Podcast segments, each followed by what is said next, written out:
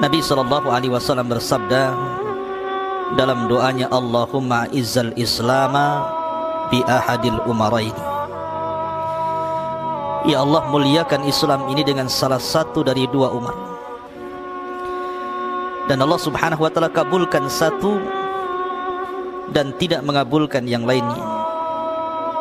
Maka Allah memilih Umar ibn al-Khattab radhiyallahu an dan tidak memilih Amr ibn Hisham atau Abu Jahal dan Islam memuliakan siapa pun yang masuk ke dalamnya khiyarukum fil jahiliyah khiyarukum fil islam idza saluha. Kata Nabi sallallahu alaihi wasallam sebaik-baik kalian di masa jahiliyah maka itu pula yang merupakan kebaikan saat Islam jika dia baik. Maka sebagaimana Umar bin Khattab di masa jahiliyah memang seorang pemimpin Bani Adi maka ketika dia masuk Islam pun diangkat derajatnya oleh Allah Subhanahu wa taala. Karena Islam itu mengangkat derajat yang hina menjadi mulia, yang mulia tambah mulia. Itulah Islam. Tetapi sebaliknya orang-orang yang menolak Islam, yang hina tambah hina, yang mulia menjadi hina. Maka Umar bin Khattab diangkat dalam Islam kedudukannya. Ada yang mengatakan ketika Umar masuk Islam itu usianya 28 tahun ada yang mengatakan 27 tahun. Dan dia Islam tiga hari setelah Hamzah masuk Islam. Jadi Hamzah dulu tiga hari masuk Islam. Dan dia adalah Asadullah. Baru kemudian Umar ibn al-Khattab di tahun ketujuh setelah diutusnya Nabi menjadi Nabi dan Rasul. Ada yang mengatakan di tahun kelima setelah hijrahnya para sahabat ke Habasyah. Lah ketika Umar bin Khattab masuk Islam dalam beberapa riwayat maka langit bergegar dan para malaikat semuanya mengepakkan sayap karena bahagia dengan keislaman Umar bin Khattab radhiyallahu Lah ketika Umar bin Khattab radhiyallahu anhu masuk Islam, pertama yang ia lakukan adalah dia mendatangi Abu Jahal, Amr ibn Hisham. Kemudian mengetuk pintunya. Kata Abu Jahal dalam rumah dia, dia mengatakan, "Man? Siapa di luar?" Kata Umar bin Khattab, "Ana ibnul Khattab." Kata Abu Jahal, "Masya'nuk?" Apa masalahmu datang kemari siang-siang di waktu orang tidak datang di waktu itu? Maka Umar mengatakan, "Aslamtu ala dini Muhammad." Aku sudah masuk ke agama Muhammad. Kata Abu Jahal, "La taf'al." Jangan kau lakukan kata Umar, "Bal qad af'al." Bahkan sudah kulakukan. Maka Umar mengatakan, "Ahzakallahu ya Aba Jahlin." Semoga Allah menghinakan dirimu. Maka Umar kemudian mendatangi tokoh-tokoh Quraisy. Dia datang kepada Al-Mughirah kepada Al-Walid. Dan seluruh tokoh-tokoh Quraisy didatanginya kemudian digedor rumahnya. Diberitahu bahwa dia sudah masuk Islam. Satu pun dari tokoh Quraisy itu tidak berani membuka pintu. Karena memang Umar ditakuti sekali. Lah ketika Umar masuk Islam inilah apalagi tiga hari sebelumnya Hamzah sudah masuk Islam maka Islam memiliki dua kekuatan orang-orang yang kemudian berlindung kepada Umar bin Khattab dan orang-orang yang berlindung kepada Hamzah. Sehingga orang-orang Quraisy tidak sanggup lagi menyentuh kaum muslimin karena harus berhadapan dengan dua orang ini. Berhadapan dengan Hamzah dan berhadapan dengan Umar bin Khattab. Sehingga karena mereka tidak bisa menyentuh akhirnya maka mereka pun kemudian membuat kesepakatan untuk membaikat Bani Abdul Manaf. Dibaikot betul. Tidak diberikan apa namanya sembako gitu kan. Tidak boleh lagi mengirim ataupun berjual beli dengan mereka sampai tiga tahun. Akhirnya Bani Abdul Manaf kabilahnya Abu Talib sampai kelaparan sampai sebagian mereka memakan daun sampai anak-anak menjerit kelaparan lah Umar bin Khattab ini setiap malam dia membawa makanan kepada orang-orang miskin. Akan tetapi apabila dia datang kepada orang-orang miskin Abu Bakar sudah mendahuluinya dari situlah Umar merasa tidak sanggup menandingi kebaikan Abu Bakar Siddiq radhiyallahu anhu. Ma'asyiral muslimin yang dimuliakan Allah Subhanahu wa taala. Lah ketika Umar bin Khattab betul-betul dia ingin menampakkan Islam, dia datang kepada Nabi sallallahu alaihi wasallam dan mengatakan, "Ya Rasulullah, alasna nahnu 'alal haq? Bukankah kita di atas kebenaran?" Kata Rasul, "Ya." Walima adharna al-Islam? Kenapa kita tidak menampakkan Islam? Kata Nabi sallallahu alaihi wasallam, "La ta'jal ya Ibnu Khattab." Pelan-pelan wahai Ibnu Khattab, sampai Allah perintahkan. Tapi karena terus mendesak Umar bin Khattab, akhirnya Nabi mengizinkan untuk terang-terangan menampakkan Islam. Dari situlah kaum muslimin mulai berani sholat di depan Ka'bah. Kenapa? Bahasa kita ada backing masalahnya. Ada backingnya Umar bin Khattab. Kalau ada apa-apa tinggal lapor saja. Lah dari sini maka semakin sempitlah dada-dada orang-orang kafir. Masalahnya ada Umar ada Hamzah. Lah ketika masa pembaikotan itulah betul-betul Bani Abdul Manab dibuat susah. Tetapi subhanallah keimanan para sahabat adalah keimanan pilihan. Tetap saja semakin ditekan semakin kuat keimanannya, semakin ditekan semakin hebat keimanannya. Dan itu membuat orang-orang Quraisy tidak berdaya untuk menghadapi kaum muslimin ketika itu. Hanya bisa sebatas itu. Masyarakat muslimin yang dimuliakan Allah Azza wa Jalla. Umar ini disebutkan oleh ahli sejarah sebagai muhaddas atau dalam bahasa lain mulham. Kata Nabi SAW seluruh umat ini ada orang-orang yang mulham diberikan ilham. Diberikan ilham. Lah mulhamnya umat ini adalah Umar bin Khattab. Karena pendapat-pendapat Umar itu selalu tidak meleset dengan wahyu. Wahyu belum turun. Kemudian Umar berpendapat nanti turun wahyu menguatkan pendapat Umar. Dan itu tidak dimiliki oleh Abu Bakar dan tidak dimiliki oleh sahabat yang lain salah satunya adalah ketika kematian tokoh munafik Madinah Abdullah bin Ubay bin Salul presiden munafik Madinah. Maka ketika kemudian anaknya Khubab atau dikenal dengan Abdullah, zaman jahiliyah namanya Khubab, kemudian oleh Rasul diganti namanya Abdullah. Jadi Abdullah bin Abdullah ibn Ubay ibn Salul namanya. Ketika itu anaknya Abdullah, dia seorang sahabat yang baik, walaupun bapaknya tokoh munafik. Maka dia datang kepada Nabi sallallahu alaihi wasallam yang mengatakan, "Ya Rasulullah, salatilah bapakku dan berdoalah untuk Allah." Maka ketika itu kemudian Nabi Shallallahu Alaihi Wasallam mengembalikan burda baju yang pernah diberikan semasa Islamnya Abbas oleh Abdullah ibn Salul dikembalikan lagi supaya tidak ada kebaikan sama sekali kepada Nabi Shallallahu Alaihi Wasallam.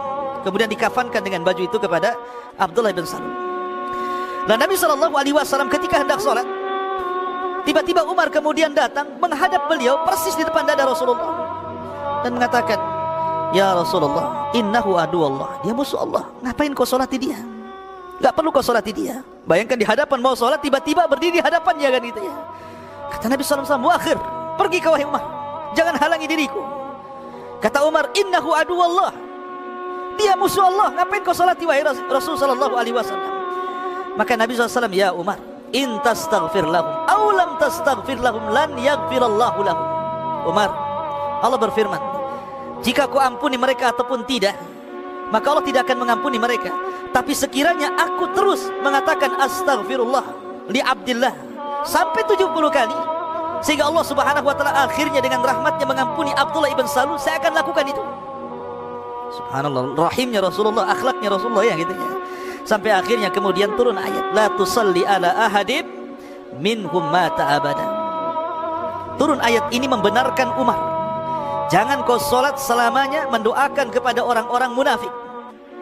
Sampai kemudian turun ayat innal munafikina fi darkil asfali minan nar. Sesungguhnya orang-orang munafik itu berada di intip neraka yang paling dasar.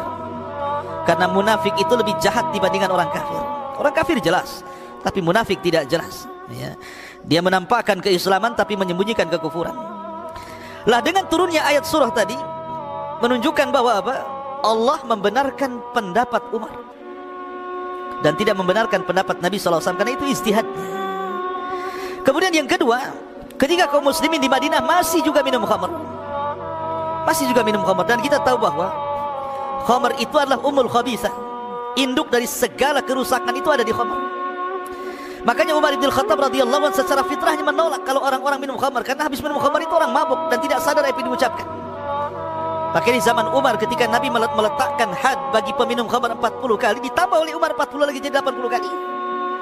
Lah Umar bin Khattab secara fitrahnya dia menolak ada orang-orang minum khamar itu. Sebagaimana Abu Bakar Siddiq radhiyallahu anhu sudah saya kisahkan ketika dia melihat ada orang yang minum khamar setelah mabuk diambil kotorannya diletakkan di wajahnya.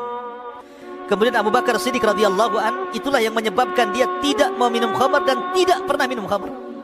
Ketika ditanya kenapa kau tidak minum khamar wahai Abu Bakar? Abu Bakar mengatakan untuk menjaga muruati wa irdi, untuk menjaga kehormatan dan akhlakku. Maka Umar setiap malam berdoa. mengangkat kedua tangan dan mengatakan Allahumma bayyin lana fil khamri bayanan syafian ya Allah tegaskan jelaskan hukum khamar itu sejelas-jelasnya. Sebenarnya khamar itu boleh diminum atau tidak sih setiap malam Umar mengangkat kedua tangannya turunlah ayat tentang khamar. Tetapi ayat itu tidak melarang secara mutlak. Ya khamar itu ada kebaikannya tapi madaratnya lebih besar. Umar tidak tidak puas dengan jawaban itu. Walaupun ada kayat wa ismuhuma akbaru min naf'ihima. Dan madaratnya jauh lebih besar dibandingkan manfaatnya. Umar tidak juga puas. Malam lagi kemudian dia berdoa, Allahumma bayyin lana fil khamri bayanan syafian. Ya Allah, tegaskan lagi lah hukum khamar itu. Sebenarnya hukumnya bagaimana?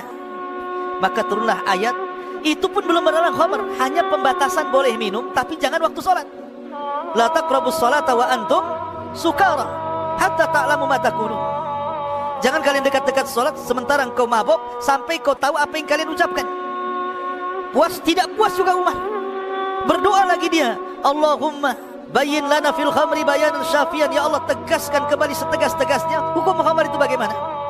Akhirnya ketiga kali Umar bin Khattab meminta maka Allah turunkan ayat innal khamra wal maisir. Sampai kepada innahu ridsun min amali syaitan fajtanibuhu la'allakum tuflihun. Sesungguhnya khamar dan konco-konconya itu adalah ridsun sebuah kotoran min amali syaitan, amalan setan. Fastanibu jauhi la'allakum tuflihun agar kalian selamat. Di empat penguat yang menjadikan khamr itu diharamkan secara abadi. Pertama rizun, itu kotoran, ada yang mengatakan najis. Yang kedua amalus syaitan, itu adalah amal setan. Yang ketiga fastanibu jauhi. Yang keempat la'allakum tuflihun agar kalian selamat. Maka setelah turun ayat inilah maka Nabi sallallahu alaihi wasallam mengutus Talha mengutus apa namanya sahabat yang lain. Kemudian berteriak di pasar-pasar ala wa innal khamra qad hurrimat. Ingatlah khamr sudah diharamkan selama-lamanya. Ketika itu Anas bin Malik radhiyallahu sedang di rumah uh, Abu Talha ya. Dan Abu Talha sedang menerima tamu. Dan masih mencucurkan khamr di gelas-gelas tamunya Abu Talha. Tiba-tiba dari luar terdengar ada orang yang berteriak-teriak. Kata Abu Talha kepada Anas ya Anas ukhruj Fasma, mada yaqulul munadi yunadi. Hei Anas kau keluar. Dengarkan apa sih orang itu ngomong itu. Fakharaja Anas bin Malik. Keluar Anas bin Malik. Tiba-tiba selang berapa waktu datang lagi dan memberitahu ya Aba Talha. Fa inni sami'tu munadi yunadi ala wa innal khamra qad hurrimat. Wahai Aba Talha, aku mendengar di luar ada orang yang mengatakan khamr sudah diharamkan secara abadi. Dari situ Abu Talha mengambil semua teko gelas yang sudah bercucuran khamar dan juga di gelas-gelas tamu itu dibuang ke halaman rumahnya. Dan dia melihat orang-orang berlarian dari pasar menuju rumah-rumah mereka kemudian menumpahkan khamar-khamar di rumah-rumah mereka sampai rawi hadis mengatakan hatta salat syawariul Madinah sampai ganggang kota Madinah banjir dengan khamar itu. Dan ditumpahkan di situ. Khamar diharamkan. Kenapa? Karena berkat doanya Umar bin Khattab. Kemudian ketiga salat di belakang makam Ibrahim kita tahu makam Ibrahim itu sebenarnya dulu lengket dengan Ka'bah. Tapi sekarang kemudian dijauhkan beberapa meter dari Ka'bah. Dulu dia lengket di Ka'bah makam Ibrahim itu. Subhanallah. Walaupun makam Ibrahim itu lengket dengan Ka'bah. Tapi ketika di zaman jahiliyah tidak ada orang yang menjadikan makam Ibrahim itu sesembahan selain daripada Allah. Padahal di sekitar situ ada patung tuh. Bahkan Khalid bin Walid ketika menghancurkan patung di sekitar Ka'bah itu jumlahnya 350 lebih yang dihancurkan dan ditumbangkan oleh Khalid. Dan makam Ibrahim ada di situ melengket dengan Ka'bah. Tapi tidak ada satupun orang musyrik yang menyembah makam Ibrahim. Subhanallah ya. Kenapa? Kalau seandainya ada yang menyembah, tiba-tiba kemudian jadikan tempat sholat menghadap makam Ibrahim, tentu orang-orang mengatakan itu kan dulu berhala orang-orang Quraisy kan itu. Lah ketika Umar tawaf, kemudian Umar meminta kepada Rasul, ya Rasul, tidakkah makam Ibrahim ini dipisahkan saja dari Ka'bah? Dimundurkan gitu. Akhirnya kemudian Nabi SAW menyetujui dimundurkan makam Ibrahim dari Ka'bah sehingga berjarak. Kata Umar, ya Rasul, kenapa kita tidak jadikan di belakang makam Ibrahim tempat musola, tempat sholat? Ya, maka turunlah ayat wattakhidu min maqami Ibrahim musola. Turun ayat ini, ya, tentang perintah sholat dua rakaat sunnah tawaf setelah tawaf di belakang makam Ibrahim. Umar juga gitu yang meminta kepada Nabi Wasallam. Bahkan ketika tragedi perang Badar, kita tahu perang Badar perang perdana, Badar Kubra dimenangkan kaum muslimin dan 70 tawanan orang-orang musyrik berhasil ditawan. Pertama kali Nabi mengatakan kepada Abu Bakar, apa yang kita harus lakukan kepada para tawanan ini? Kata Abu Bakar, tebus saja, karena di antara mereka kerabat-kerabat kita juga. Ketika itu Rasul datang kepada Umar. Wa kaifa ra'yuka ya Ibn Khattab? Lalu bagaimana pendapatmu ya Ibn Khattab? Kata Umar, bunuh saja. Kata Umar, penggal saja lehernya. Kata Rasul, kenapa? Kata Umar, fa innahum adu Allah wa Rasul. Dia musuh Allah, musuh Rasul. Kenapa enggak dipenggal? Maka Nabi SAW cenderung kepada pendapat Abu Bakar. Karena pendapat Abu Bakar kan orangnya lembut. Akhirnya yang dijalankan adalah pendapat Abu Bakar sampai turun ayat menegur Rasulullah. Maka nalin Nabi ayyakuna lahu asra hatta yuskhina fil ar turiduna arada dunya wallahu yuridul akhirah. Turun ayat ini surah Al-Anfal. Tidak layak bagi seorang nabi punya tawanan. Apalagi kemudian dengan tawanan itu mengharap arada dunya. Kemegahan dunia dengan cara ditebus. Allah membenarkan pendapat Umar. Makanya Umar itu disebut mulham sekali lagi, disebut mulham. Wajar kalau seandainya Nabi mengatakan kalaulah ada nabi sepeninggalku, maka Umarlah orangnya. Kalaulah ada nabi sepeninggalku, maka Umarlah orangnya. Walakin la nabiyya ba'di. Tetapi karena tidak ada nabi sepeninggalku, maka tidak ada nabi sepeninggalku. Tapi dengan isyarat Rasulullah seperti itu, karena Allah Umar itu muhaddats, mulham. Betul-betul diberikan kecerdasan yang terkadang berpapasan dengan wahyu Allah Subhanahu wa taala. Masyarakat muslimin yang dimuliakan Allah Azza wa Jalla. Setelah kemudian kaum muslimin mendapatkan tekanan di kota Mekah dengan tekanan yang hebat, ancaman, kemudian juga pembunuhan sampai kepada keluarga Ammar bin Yasir dibantai. Bilal disiksa, Khabbab disiksa dan yang lainnya. Dan kemudian kaum muslimin sebelumnya memang sudah hijrah ke Habasyah dua kali. Baru setelah kemudian diizinkan Allah untuk hijrah ke Madinah, semua manusia hijrah secara sembunyi-sembunyi. Tidak ada yang berani terang-terangan kecuali Umar. Umar hijrah terang-terangan. Bahkan ketika dia sampai di lembah saja, dia berteriak kepada orang-orang Quraisy, "Siapa di antara kalian yang anak-anaknya ingin jadi yatim? Ah, temui aku di sini." Ah, temui aku di sini. Siapa yang ingin anak-anaknya jadi yatim? Temui aku fi hadal wadi di lembah ini. Silakan, aku menunggu kalian kata. Mana berani Bang Umar? Kan itu. Maka Umar lenglang saja dia. Dia hijrah nggak ada orang ganggu, nggak berani. Padahal yang lainnya itu subhanallah betul-betul diganggu. Contohnya Suhaib Ar-Rumi. Suhaib Ar-Rumi ini orang Romawi. Dia datang ke Mekah. Dia mendapatkan kabar dalam kitab apa namanya uh, perjanjian lama bahwa akan muncul Nabi di Mekah. Hijrah dia dari Romawi menuju Mekah.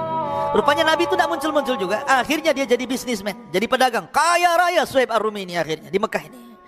Ketika dia sudah kaya, eh muncul pula seorang Nabi. Kemudian dia masuk Islam. Ya.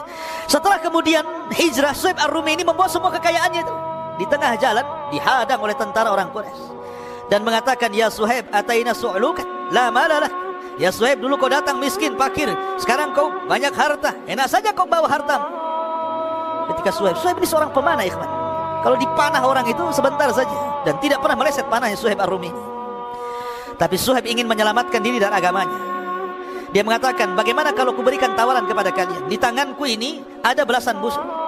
Kalau seandainya ku tembakkan kepada kalian, tidak ada satu pun yang meleset. Pasti di antara kalian ada yang meninggal. Lalu apa yang harus kalian lakukan kepada aku? Tapi saya punya tawaran. Sudah gini saja. Ku tunjukkan semua hartaku di Mekah. Gudang-gudang hartaku di mana? Ku serahkan hartaku yang ku bawa, tapi biarkan aku selamat ke Madinah. Bayangkan, akhirnya diserahkan semua hartanya. Ditunjukkan di mana gudang-gudang hartanya. Dia berangkat tanpa harta ke ke Madinah sampai di Madinah Rasul mengatakan Rabiha bai'u Suhaib Rabi'a bai'u Suhaib Rabiha bai'u Suhaib Sungguh beruntung jual beli Suhaib dengan Allah Subhanahu wa taala.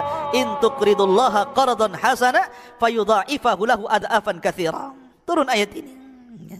Masyurul muslimin, tapi Umar bin Khattab satu-satunya orang yang hijrah terang-terangan. Tidak ada satu pun yang berani mena, me, mengganggu Umar bin Khattab sampai betul-betul datang dan berjumpa dengan para sahabat di Madinah. Itulah di antara cuplikan kisah Umar bin Khattab masih panjang kisahnya insyaallah kita lanjutkan di pagi hari subhanakallah bihamdika asyhadu an la ilaha illa anta astaghfiruka wa atubu. Allah taala assalamualaikum warahmatullahi wabarakatuh.